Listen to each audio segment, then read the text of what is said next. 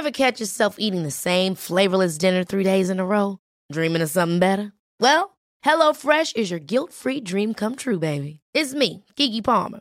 Let's wake up those taste buds with hot, juicy pecan-crusted chicken or garlic butter shrimp scampi. Mm. Hello Fresh. Stop dreaming of all the delicious possibilities and dig in at HelloFresh.com. Let's get this dinner party started. I'm Sandra, and I'm just the professional your small business was looking for. But you didn't hire me because you didn't use LinkedIn jobs. LinkedIn has professionals you can't find anywhere else, including those who aren't actively looking for a new job but might be open to the perfect role, like me. In a given month, over 70% of LinkedIn users don't visit other leading job sites. So if you're not looking on LinkedIn, you'll miss out on great candidates like Sandra. Start hiring professionals like a professional. Post your free job on linkedin.com/achieve slash achieve today. Quality sleep is essential. That's why the Sleep Number Smart Bed is designed for your ever-evolving sleep needs. Need a bed that's firmer or softer on either side? Helps you sleep at a comfortable temperature? Sleep Number Smart Beds let you individualize your comfort so you sleep better together. JD Power ranks Sleep Number number 1 in customer satisfaction with mattresses purchased in-store. And now, save 50% on the Sleep Number limited edition Smart Bed for a limited time. For JD Power 2023 award information, visit jdpower.com/awards. Only at a Sleep Number store or sleepnumber.com.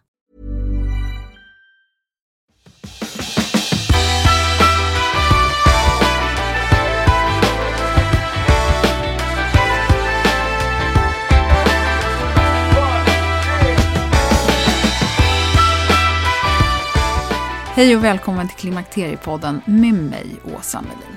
Nu ska vi tala mer om sömn och hur livsstilen påverkar hur du sover med sömnkonsulten Lisa Karpevi från avsnitt 151. För hur har du det med återhämtning och sömnen i ditt liv? Ja, jag måste ju erkänna att jag är lite sömnfixerad och det är kanske inte så konstigt att man blir det kring klimakteriet. Men nu ska du i alla fall få höra hur hela livsstilen påverkar. Alltså vad vi äter, när vi äter, hur vi rör på oss och på vilket sätt vi rör på oss. Ja, hela alltet påverkar sömnen och det är väldigt spännande tycker jag. Sen har ni kommit in med en hel rad frågor efter avsnittet 151 med Lisa och de ska vi också avhandla i avsnittet.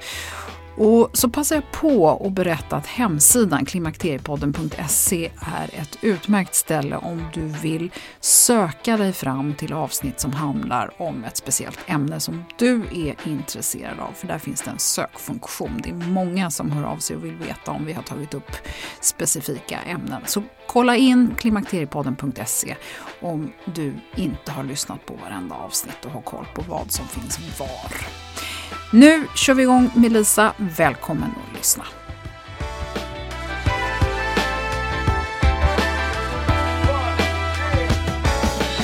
Då Lisa Karpevi, hjärtligt välkommen tillbaka. Nu ska vi göra en liten uppföljning av min livsstilsanalys och sömndagbok som vi satte igång med, eh, som du nu har analyserat. I avsnitt 151 så talade ju vi väldigt mycket om sömn och hur man lär sig sova och det var väldigt uppskattat det här avsnittet Lisa, så stort tack för det. Tack, vad kul att det är många som har lyssnat och att det var uppskattat. Ja men verkligen.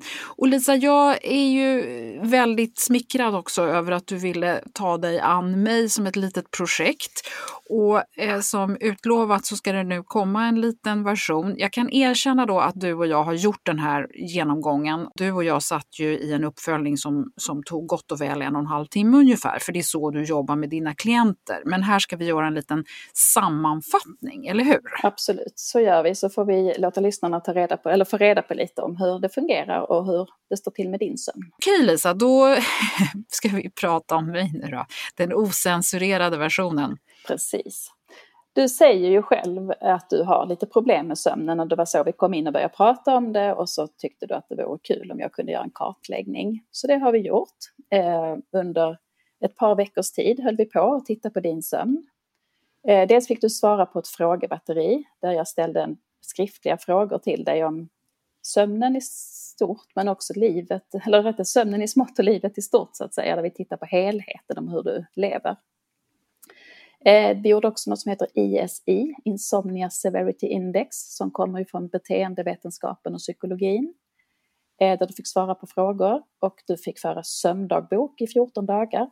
Och så gjorde vi också en livsstilsanalys då vi mötte din aktivitet och vila med elektroder på kroppen. Och i normala fall så mäter vi tre dygn, men för att du skulle kunna experimentera och vi skulle kunna se lite grann vad som påverkar sömnen så fick du ha dem i sex, i sex dygn. Och det var ju spännande. Tyckte du det? Hur kändes ja. det? Nej, men jag, jag sa ju det till dig att jag blev ju lite nervös och stressad av att ha dem. Inte de första dygnen men sen när jag hade haft dem ett tag då blev det så här att jag kände mig så väldigt medveten om hur jag andades och jag var medveten om vad jag gjorde och hur, hur jag betedde mig. Men det, då kan vi ju lägga till att det var ju då jag började också bete mig eh, kanske lite mer extremt mm. eh, än i början så att säga. Precis, så normalt har man dem i tre dygn och det är ju just för att man inte ska fundera så mycket på dem utan man har dem där på sig och sen tar man av dem och skickar in för analys. Så att det blev lite speciellt för just dig. Mm. Eh, när jag tittar på dina frågor och svaren så kan jag se att din egen syn på sömnen så är att du sover lite sisådär. Eh, innan vi tittar på vad, vad, vi fick fram i den här livsstilsanalysen så var ditt svar att ja, men det är lite sådär, jag, du tycker att du vaknar mellan fyra och sex gånger per natt. Och du, om du ska sätta sömnen på en skala mellan ett och fem så hamnar du någonstans på mellan två och en halv och fyra. Och eh, jag tror att du kanske nu när vi är klara med det har förändrat den synen lite grann så vi kommer komma tillbaka till det. Ja. Eh, men vi har också tittat på eh, hur mycket kaffe du dricker och alkohol och hur mycket du motionerar och när du motionerar. Vilka sovtider du har och om du har något yttre moment som du tycker stör sömnen. Och där åkte din man på en liten känga men inte oftare än att du ändå fortfarande vill dela säng med honom, eller hur? det kan vara om han går upp på toaletten någon gång så det påverkar sömnen, vilket ju är själv. Ja, jag tycker han också studsar när han rör sig. Studsar också. ja, men annars det som kan vara störande moment annars kan ju vara sånt som att det är för ljust i sovrummet eller att det är något, något som stör eh, ljudmässigt eller att det är för varmt till exempel. Eh, men när jag tittar på sömnen så gör jag då det ur ett helhetsperspektiv, både på den upplevelsen du har och den, liksom genom skattning, men också det faktiska genom en mätning. Och då tittar jag både utifrån din kropp och eh, dina tankar och känslor. Och också om du får liksom tillräckligt med återhämtning och glädje eller liksom sånt som också kan påverka hur du mår och därmed hur du sover. Och så tittar vi på omgivningen. Och när vi ser på dig så är du ju väldigt noga med att komma ut i dagsljus och frisk luft i princip varje dag, eller jag skulle säga varje dag, så är du ju ute och motionerar och får frisk luft. Eh, du är också noga med att du vilar från din mobil sista timmen före du ska sova. Du dricker bara kaffe på förmiddagarna, eller i alla fall efter lunch kan du också ta en kopp, men sen så nöjer du dig med det. Så att tittar vi på hur du lever, så lever du ganska mycket enligt skolboken. Eventuellt så slarvar du med att få lugna stunder under dagen. Eh, du kan säga att eller du säger att ibland när det är lite mycket på jobbet eller om du har lite stressigt så påverkar sömnen av att det är många tankar som, som påverkar så att du kanske får lite ytlig sömn. Och det är inget som du upplever som ett bekymmer men vi kan ändå se att när det är mycket att göra så påverkar sömnen. Och så tittar vi då på att i den här ISIn som jag gjorde, eh, där du fick svara på frågor om din sömn, då får du 11 poäng. Och enligt psykologin och beteendeterapin så säger det att du har vissa problem med sömnen, vilket inte är något bekymmer, utan vissa problem med sömnen det har var och varannan människa. Så från 15 poäng och uppåt så pratar man om att man har ett sömnproblem som man kanske bör behandla eh, och göra någonting åt. Eh, så du ligger väldigt lågt där. Men vi har ju ändå tittat på det och vi går ju ändå vidare såklart eftersom vi nu gör den här mätningen med dig. Och tittar jag då från sömndagboken så kan jag se att du har en sömneffektivitet på 90% under de 14 dagar du har skrivit dagbok, vilket är superbra. Eh, normalt så säger man att man ska ligga på 85% för att man ska säga att det här är en god sömn. Och har man lägre än 85% eller lägre än 80 i alla fall så bör man förändra någonting. Men du ligger alltså på 90% totalt. Och sen när vi mätte med livsstilsanalysen så kan vi se att precis som du säger så rör du mycket på dig. Eh, och vi kan också se att det kan vara lite si och så med din återhämtning dagtid. Eh, du har ganska hög aktivitet hela dagarna. Men däremot när du får till återhämtning som du kan få genom att du sätter dig och läser en bok eller tar det lugnt så kan vi se att det påverkar återhämtningen och sömnen.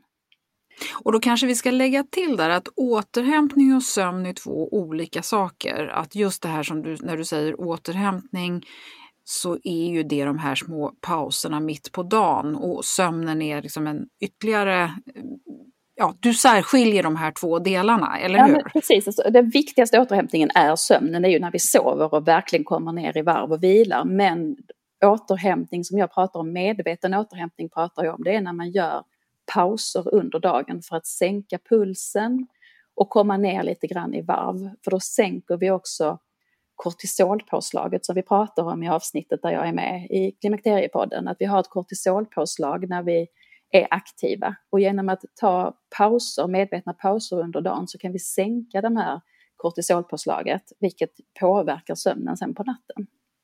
Och där kan man väl säga att ett missförstånd, eller någonting som jag inte har förstått, är att om man sitter still vid datorn hela dagen så tycker jag ju att jag är ganska så att säga, inaktiv och att det i sig inte påverkar. Men det ser man ju jättetydligt när jag har haft den här eh, livsstilsanalysmätningen på mig. Att nej, det är inte alls återhämtning. Jag har rätt hög puls hela tiden. Mm.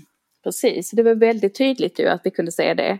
Eh, däremot när du sätter dig och läser, eh, som du ofta gör på kvällen och du tar det lite lugnt, sitter vid tvn innan du ska gå och lägga dig, då kan vi se att då slappnar du av och då har du inte alls det här påslaget utan då blir det en återhämtande stund. Och sen så du har en, visar den här livsstilsanalysen att du har en väldigt låg vilopuls och du har en hög maxpuls, vilket gör att när du ser till att få de här återhämtande stunderna så får du en hjärtfrekvensvariabilitet, alltså Eh, variationen mellan hur ditt hjärta slår när du är i aktiv fas och när du är i lugn fas. Kan vi se att den kombinationen gör att när du väl återhämtar sen så får du en god återhämtning.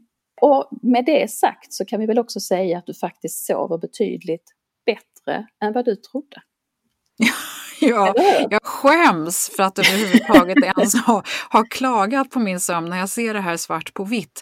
Däremot så kan vi väl lägga till där att när jag började experimentera då efter att jag hade haft tre normala dygn och började lägga till eh, jag gjorde en kväll där jag åt eh, tung middag både med kött och efterrätt och drack ordentligt med vin. Och nu snackar vi eh, inte en hel flaska, men inte långt ifrån. Då händer det grejer alltså. Mm. Herregud! Och då gjorde vi också några kvällar när jag drack väldigt lite, vill säga typ ett glas, ett och ett halvt. Det påverkar jättemycket. Mm. Och det chockade mig faktiskt när jag ser det här eftersom min upplevelse egentligen inte var att det var så dåligt som man kunde se att det var.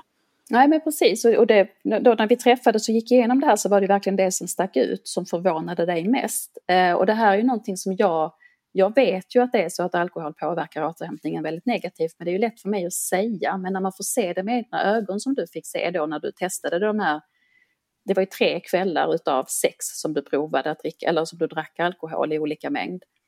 Och alla kvällarna påverkade sömnen negativt. Även om ah. vi kan se att den kvällen som du liksom såg till, såg till att dricka mer för att, Gick all in. Ja. Ja, all in för att du ville testa och se hur det verkligen påverkar. Så då sov du ju väldigt, väldigt dåligt den natten. Ah. Och även om du upplevde att du sov, för det var ju så att du kände kanske ändå att du sov, så kan man ändå se att återhämtningsförmågan är ändå väldigt låg, även om du sover, för du sover så lätt. Så pulsen kommer aldrig ner. Du har ju en låg vilopuls normalt, men du kommer inte ner i närheten av den pulsen när du har druckit alkohol, vilket gör att du inte får den återhämtning som du vill. Nej, jag tyckte det var jättespännande, otroligt spännande och framförallt att det även påverkade, påverkade negativt när det var väldigt lite eller, eller när det då var bara ett glas mm. som jag tog tidigt på kvällen. Just det, och ändå så påverkade det.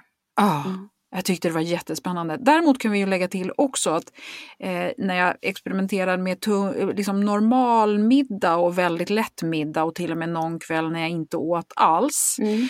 Eh, det påverkade kanske inte så mycket men sen har vi också pratat lite grann om det här med blodsocker. Att det finns vissa eh, forskningsanalyser som är väldigt unga som tyder på att framförallt elitidrottsmän kan få bättre sömn om de äter sent. För de, förmodligen för att de har så hög ämnesomsättning så att de, så att säga, de, annars återhämtar de sig inte på natten för att de helt enkelt, ja, blodsockret behöver mat eller mm. näring. Att de eh, gynnas av att äta sent på kvällen. Kan jag, blev det rätt så som jag sa nu? Ja, men jag tror det. Du, du hade ju träffat någon som pratade om forskningen som visar att en grov smörgås med en, ett liksom, nyttigt pålägg precis innan man ska gå och lägga sig eller någon gång vid efter nio påverkar sömnen positivt. Och jag drar ju direkt kopplingen till till exempel diabetiker som ska ta och äta någonting precis innan de går och lägger sig för att hålla blodsockernivån under natten.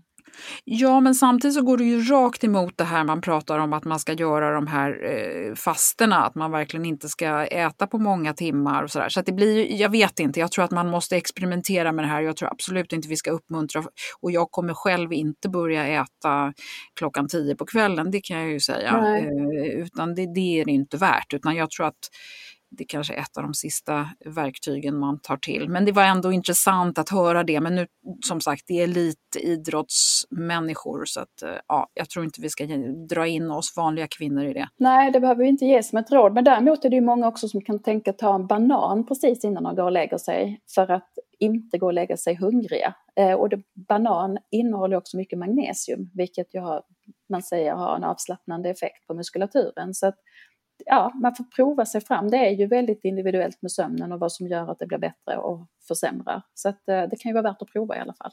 Mm. Eh, och du har ju en fantastisk fysisk form eh, och även om du själv tycker att du sover halvbra vissa nätter så sa du ju att ja, men jag tycker att jag sover sådär och jag vaknar flera gånger per natt. Och vi kunde ju konstatera att du vaknar inte så många gånger som du upplever om vi tittar på mätningarna. Men däremot så kan vi också se att du sover ju betydligt bättre än vad du tror. Den fysiska formen gör ju att även om du då skulle ta ett glas alkohol någon gång ibland så är det ju inte så att din hälsa försämras av det för du är ju fortfarande väldigt frisk. Eh, så att kartläggningen visar ju att på det hela så är din sömn god eh, och du får en bra återhämtande förmåga på totalen. Men vi kunde också se att när du tränar väldigt hårt Eh, det var ju vissa dagar du också, det var inte bara alkohol du testade och experimenterade med, du experimenterade ju också med att köra på väldigt fysiskt hårt någon dag. Mm. Och den natten fick du också lite sämre återhämtande, återhämtning. Mm. Eh, vilket också visar på att ah, du kanske ska hitta en god balans i att träna som du gör och motionera och vara ute men kanske inte köra på för hårt för då belastar du också, det blir också en stress för kroppen. Mm. Och då kan vi väl lägga till här att då handlade det inte om en vanlig löprunda som jag ju gör flera gånger i veckan, utan det handlade om att jag jobbade med att ligga på maxpuls, det vill säga jag sprang, gjorde backträning ungefär en timme. Eh, och det är ju inte någonting som jag pysslar med dagligen och de flesta andra inte heller. Så det handlar inte om att man ska ta det lugnt, Nej. det är inte det vi uppmuntrar Nej, till. Nej, verkligen inte. Alltså det som rekommenderas för att man ska sova gott är ju att man ska motionera varje dag och runt minst 30 minuter, säger forskare, sömnforskare. Eh, och eh, sen om man inte tränar varje dag men man i alla fall håller igång och, ser till att komma ut i dagsljuset, det är superviktigt för sömnen och en, en god balans och, och dygnsrytm. Ja, det var ju just det här när du pressade på dig själv otroligt hårt som vi kunde se att kroppen hade lite svårt att återhämta. Men du kom ju ner i varv och du mådde ju bra av det också. Mm. Sen så tycker jag Lisa vad intressant, du sa att man nu också, man har ju pratat mycket om de här 10 000 stegen, att man börjar titta på det och, och eh, fundera på om de behöver justeras upp som rekommendation. Mm. Nu pratar man om 12 000 steg per dygn. Men 10 000 är ju ännu bättre och 12 000 är ännu bättre. Så att det är ju bra att röra på sig. Men det är inte så att om man inte når 12 000 så är det bättre att sitta still. Utan hålla igång hela dagen är det bästa kan ju vara 5000 som är med lite högre puls och några som är strosande och några som är normal promenadgång. För det var också spännande. En eh, förmiddag eller morgon så gjorde jag måttlig träning och sen så gjorde jag en, tog jag en promenad på en 45 minuter på eftermiddagen. Mm. Och det var ju väldigt positivt jämfört med att så att säga inte komma ut igen. Mm, precis. Och det, det var mycket vi kunde läsa ut ur den här livsstilsanalysen om hur du, just du eh, sover bäst och påverkas av hur du rör dig och hur du återhämtar. Mm. Eh, och i, i, vanliga fall när jag gör en sån här kartläggning så de jag jobbar med har ju ofta en, en sömnproblematik de vill ha hjälp med och vi visste ju inte riktigt hur din sömn såg ut och i vanlig, jag tror att hade jag, när det gäller dig så rekommenderar jag ju att fortsätt leva som du lever för att du har ju en god hälsa och du sover bra utifrån vad jag kan se. Kanske att du skulle jobba lite med din acceptans och inse att ja, men, jag sover ju faktiskt bra och jag är pigg när jag vaknar och du har energi hela dagen. Så det handlar lite om din mentala inställning till din egen sömn.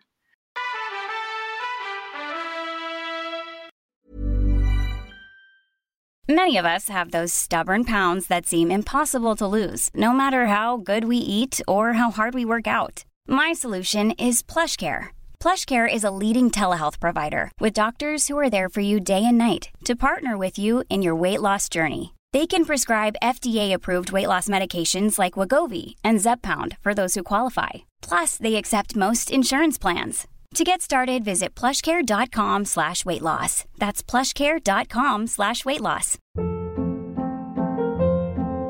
Hold up. What was that? Boring. No flavor. That was as bad as those leftovers you ate all week. Kiki Palmer here, and it's time to say hello to something fresh and guilt-free. Hello Fresh. Jazz up dinner with pecan-crusted chicken or garlic butter shrimp scampi. Now that's music to my mouth. Hello Fresh. Let's get this dinner party started. Discover all the delicious possibilities at HelloFresh.com.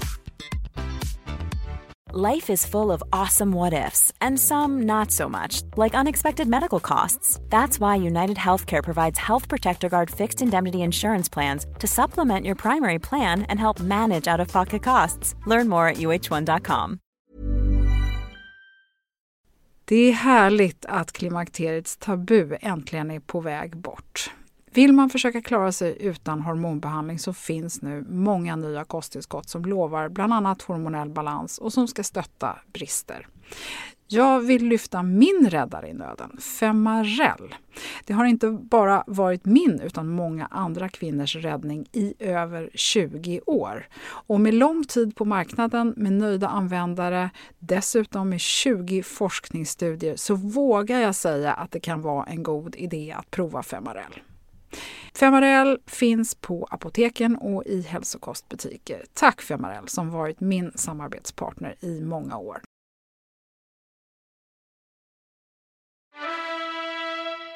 Och det kan jag ju säga också Lisa att eh, nu när eh, vi spelar in det här så har det ju gått eh, någon vecka sedan du och jag gjorde den ursprungliga genomgången och jag har faktiskt bestämt mig för att jag sover bra och det är så roligt för min man frågar varje morgon lite så mm. nervöst hur har du sovit? Och, och då var jag så här, jag har sovit bra. Ja, att jag känner att jag liksom istället för att fundera så mycket på hur jag har sovit så, så funderar jag på hur jag mår.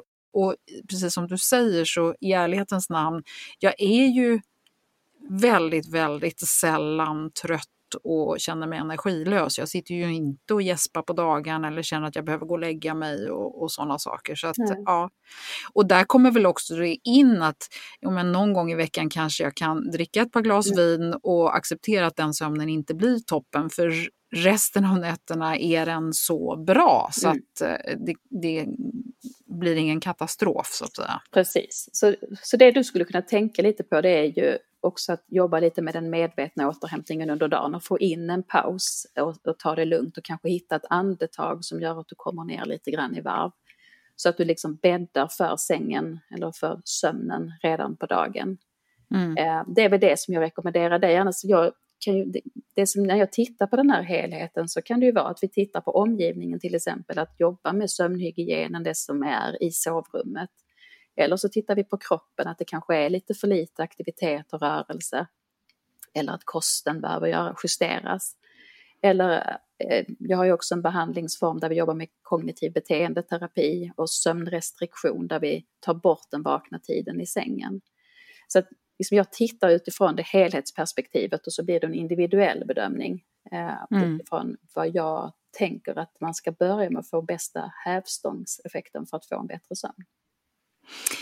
Jag tänker att vi ska prata lite grann om, det har kommit in efter avsnitt 151 när du var med så uppmanade jag ju också lyssnarna att komma in om de hade några tips eller frågor för att vi skulle göra den här eh, uppföljningen. Och då har det kommit in några frågor här och en av dem handlar då om eh, kaffe till exempel. Mm. Man pratar om att kaffe har så vansinnigt lång halveringsperiod och, och hur sent kan man dricka det och hur mycket och så vidare. Och kaffe har ju också en påstressande effekt på kortisolnivåerna. Så där kanske man ska vara försiktig generellt i alla fall. Och det hörde vi ju senast Martina Johansson prata om här i, i avsnitt 152. Så det, där vi ska vara medvetna om att kaffe har flera effekter än bara på sömnen. Men, mm. men berätta, hur, hur ser du kaffekonsumtion? Eh, kaffe eller koffeinet i kaffet har en halveringstid på ungefär 6 timmar. Vilket betyder att dricker vi kaffe klockan tre på eftermiddagen så klockan 21 då så har hälften av koffeinet förbränts och kommit ut ur kroppen. Eh, och sen är det ytterligare sex timmar till innan den eh, nivån har halverats. Så koffein påverkar sömnen ehm, och återhämtningsförmågan även om vi kanske inte upplever det. Det är lite som alkohol, att vi kanske inte känner att det påverkar negativt men det har en påverkan på sömnen. Så om man har svårt att sova så är ju kaffet en av de första substanserna man bör ta bort eller minska ner i alla fall och experimentera lite grann med för att kaffet kanske vi kan dricka på förmiddagen, så som du. Du har ju en deadline när du dricker din sista kopp kaffe. När du säger halveringstiden, mm. om jag dricker klockan ett, då är ju ett på natten har jag ju fortfarande, mm. det, det, är ju ändå väldigt lång tid. Jag tänker de som tar en kopp klockan nio på kvällen, det är ju kvar nio på morgonen. Det blir mm. nästan, alltså efter att ha sett de här kurvorna så eh, ja, nu, man ska inte bli för, för, för, fixerad vid det här, men det känns ju bara som att gud så onödigt. Det, det, man ska göra medvetna val som sabbar saker, inte det här omedvetna. Och det är väl det som jag tycker att den här analysen som, och utredningen som du har gjort med mig, det är ju det den så att säga är den största styrkan med det, att vi liksom sätter fingret på vissa saker. Mm. Och så är det ju så med kaffe till exempel att det skapar ju en stress i kroppen och är vi redan stressade så att vi redan har ett högt påslag av kortisol så blir det ju ännu värre. Så det kan ju vara så att man har sovit dåligt på natten så vill man dricka eller behöver man sitt kaffe för att hålla sig vaken. Men på grund av att man har sovit dåligt på natten så har man ju en högre stress i kroppen och så fyller man på med kaffe. Och så ökar ju den här stressen ännu mer så att det kan bli svårare att komma ner i puls och komma ner i varv. Så egentligen mm. borde det vara så att de nätterna man har sovit dåligt och är redan stressad av att man är trött och så, då borde man låta bli kaffet helt. Fast det är ju då ja. man behöver den där Ja, det, precis, där gör man ju bak och fram. Ja, precis. precis. Men det är i alla fall värt att tänka på och bli medveten, precis som du säger, att okej, okay, det här påverkar mig, är det värt det? Och ibland kanske det är det. Eh, och det är samma den här kvällskoppen. Ibland är det ju värt att dricka en kopp kaffe på kvällen för att det är socialt och mysigt och trevligt. Mm. Du, sen vill vi också prata om ansiktsmasker och öronproppar. Jag nämnde ju själv att jag sover med öronproppar och mm. tycker att det är ett effektivt sätt att låsa ut delar av ljudet, i alla fall att man tar bort det här skarpa så att säga, som man mm. annars kan riskera att vakna av. Vad tycker du? Jag är positiv till både maskerna och öronproppar. Det är som jag pratade om sömnhygien, där vi pratar om att titta på hur sovrummet ser ut. Att störs jag av något yttre, eh, då kan det ju vara ljud eller ljus till exempel.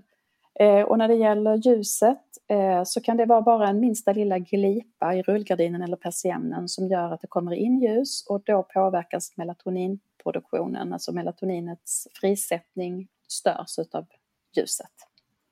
Så att det är absolut så att en, en mask stänger ute och skapar mörker. Sen är det ju inte alla som tycker att det är bekvämt att sova med en mask eh, och då får man ju hitta andra sätt att mörklägga. Eh, men det, och sen finns det ju de här maskerna finns ju i olika material och så. Och det är också en smaksak. Siden kanske känns mer naturligt mot kroppen än ett konstgjort material. Så då får man ju hitta en variant som man känner att den här kan jag verkligen stå ut med och sova med. Och sen får man vara lite noga med hygienen så att inte det skapar orenheter. För då kan det ju bli akne eller liksom någon annan eh, inflammationer runt i huden. Eh, men själva masken för sömnen kan ha väldigt god påverkan. Och detsamma gäller öronproppar. Har man störande ljud omkring sig och man inte kan få tyst på någon som snarkar eller som hostar eller så, så kan ju öronproppar vara fantastiska för att stänga ute det här störande ljudet. Om man inte tycker att det är obekvämt och känner att man nästan stänger inne något annat ljud istället.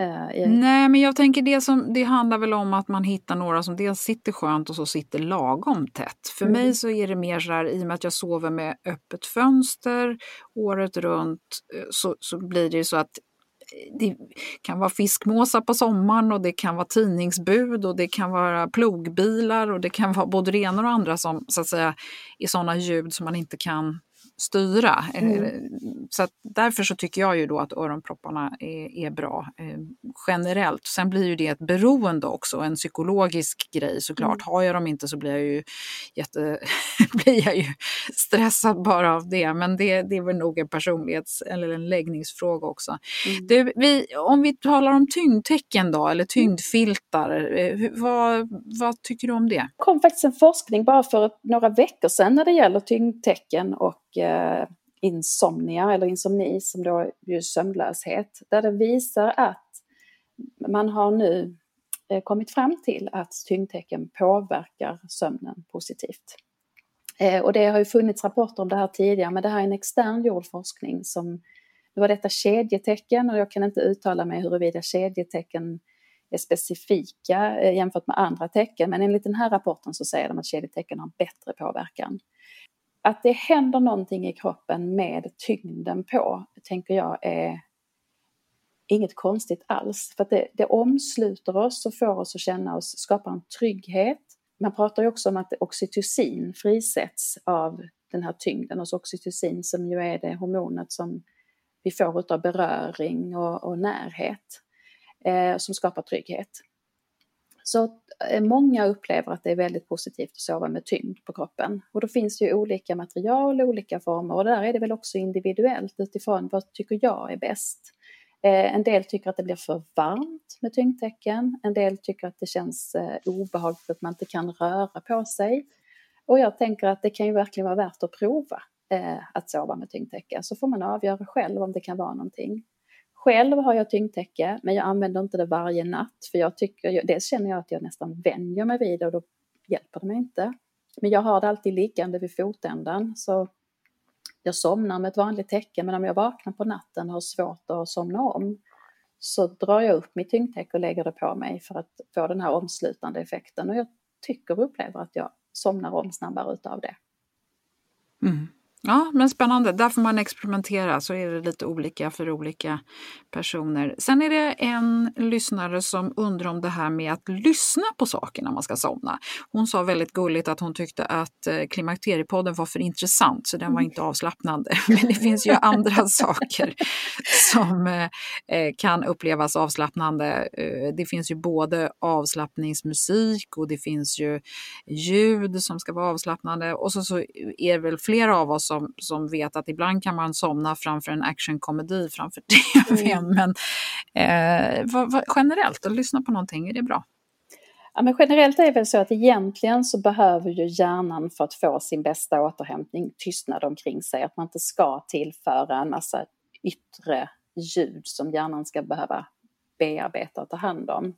Så så är väl liksom egentligen min grundinställning. Men sen är det ju så att det kan också skingra tankarna. Det beror lite på vad är det som stör sömnen. Är det många tankar som snurrar i huvudet så är det ju lättare kanske att få tyst eh, genom att lyssna på någonting än att bara ligga och ha de här tankarna som snurrar och försöka säga till hjärnan att vara tyst. För det är ju i princip omöjligt emellanåt. Mm.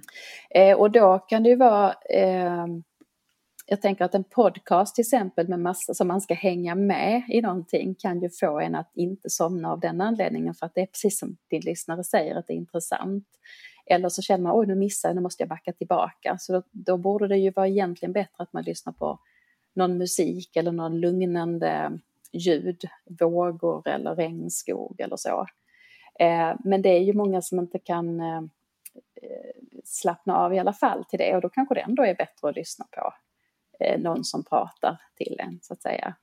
Eh, sen har det ju kommit också forskning som visar på att en viss ljudfrekvens, vissa frekvensvågor kan få en att somna snabbare och komma mer i djupsömn.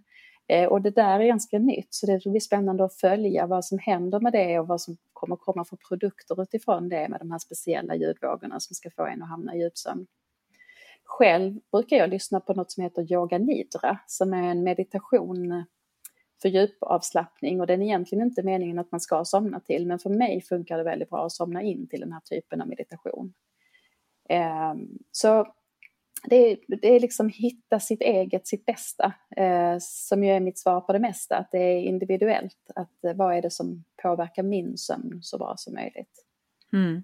Jag tänker en eh, faktor som man ska ta med i det här med att lyssna på någonting, det är att man plötsligt har sin mobil mm. precis mm. bredvid sig när man sover. Och det finns väl ganska många som säger att den kanske man ska undvika. Precis, absolut. Och det ska man inte ha, man ska inte titta på den heller på natten, vilket gör att eh, för då påverkas ju blåljuset. Så, så att, eh, eller melatoninproduktionen av blåljuset. Så att det gäller ju, lyssnar man på någonting så förr i tiden hade vi de gamla eh, vad heter sån här Walkman eller vad de hette, som man, då var det ju inte att man började titta på något ljus, men det finns ju inte idag, utan det kan ju vara bara en högtalare till exempel som man kan koppla i så fall, så att man kan lyssna.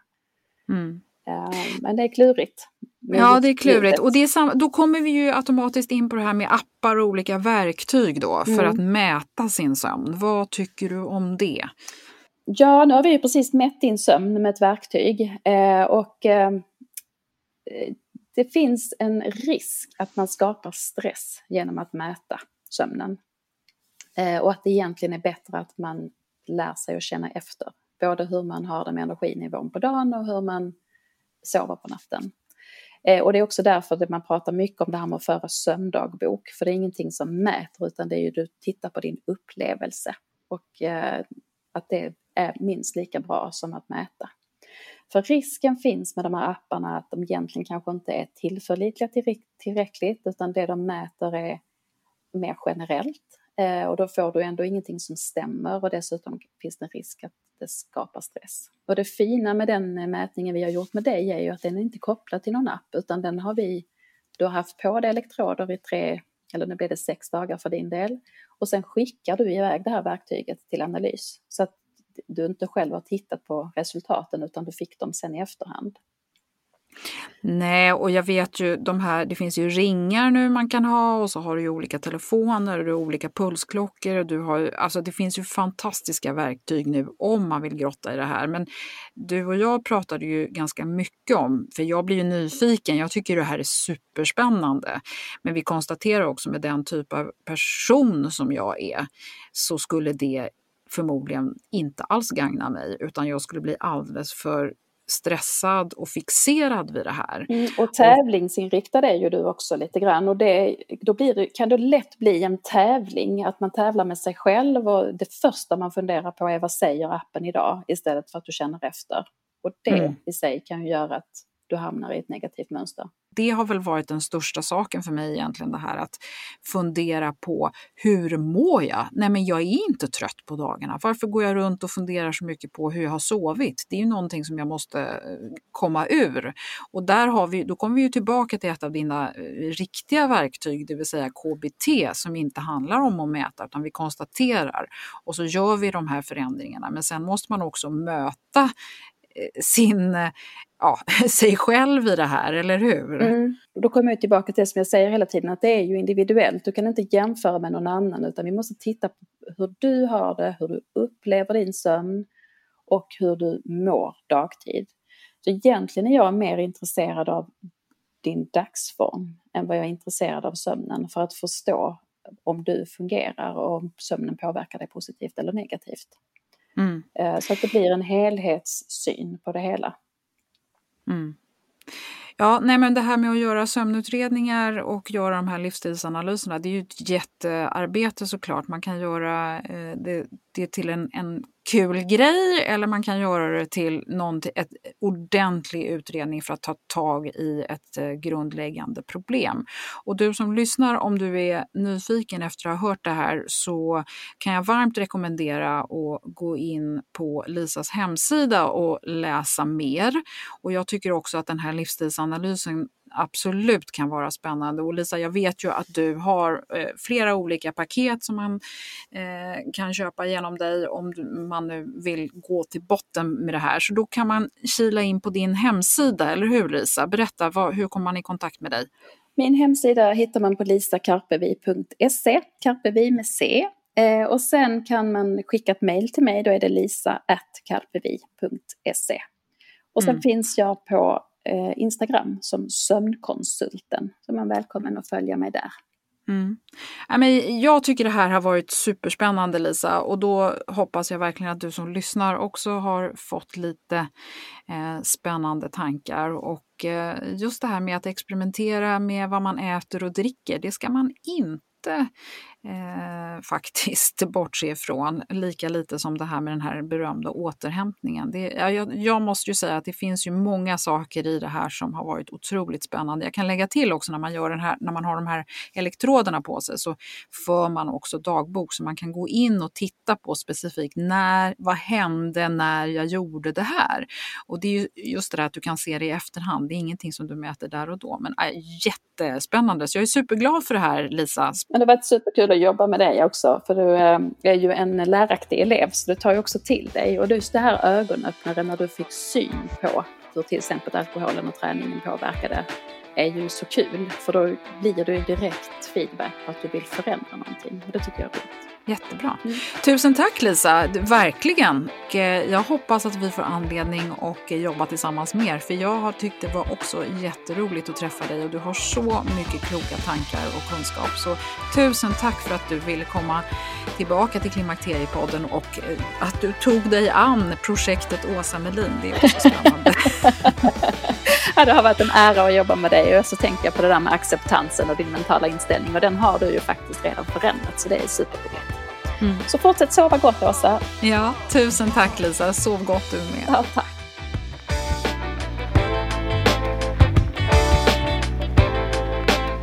Är det fler än jag som behöver lära sig eh, det här med återhämtning och att det är en del i att skapa bättre helhetshälsa? Att ta små pauser av aktiv vila är ju uppenbarligen superviktigt. Det har jag i alla fall börjat förstå. Men hur gör man? Jag är ju värdelös på att bara sitta still. Och kanske är det inte det man måste göra. Vi ska återkomma till det här ämnet återhämtning.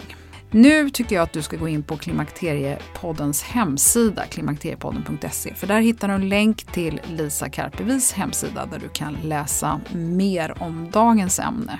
Och är du nyfiken på mer om sömn så lyssna också på sömnforskarna Christian Benedikt och Frida Rångtell som var med i avsnitten 32, 33 och 99. Och är du intresserad av sambandet mellan vikt och sömn så tycker jag att du ska lyssna på Christian Benedikt i avsnitt 137 om du inte redan har gjort det. I nästa avsnitt så ska vi eh, tala om kombinationen yttre och inre och hur olika saker vi gör, äter och hur vi tränar påverkar hur vi ser ut och hur huden påverkas av det här. Hälsoprofilen Lena Larje är nästa avsnittsgäst. Tusen tack för att du har lyssnat och hoppas du är med snart igen. Hej då!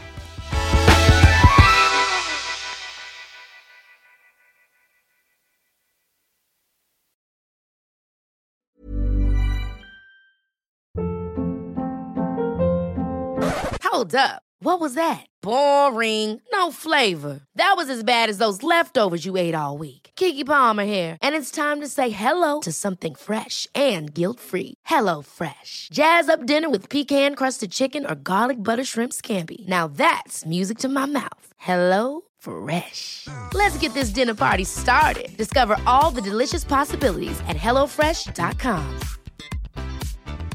Even when we're on a budget, we still deserve nice things.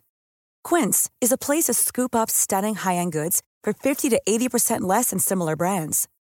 They have buttery soft cashmere sweaters starting at $50, luxurious Italian leather bags, and so much more.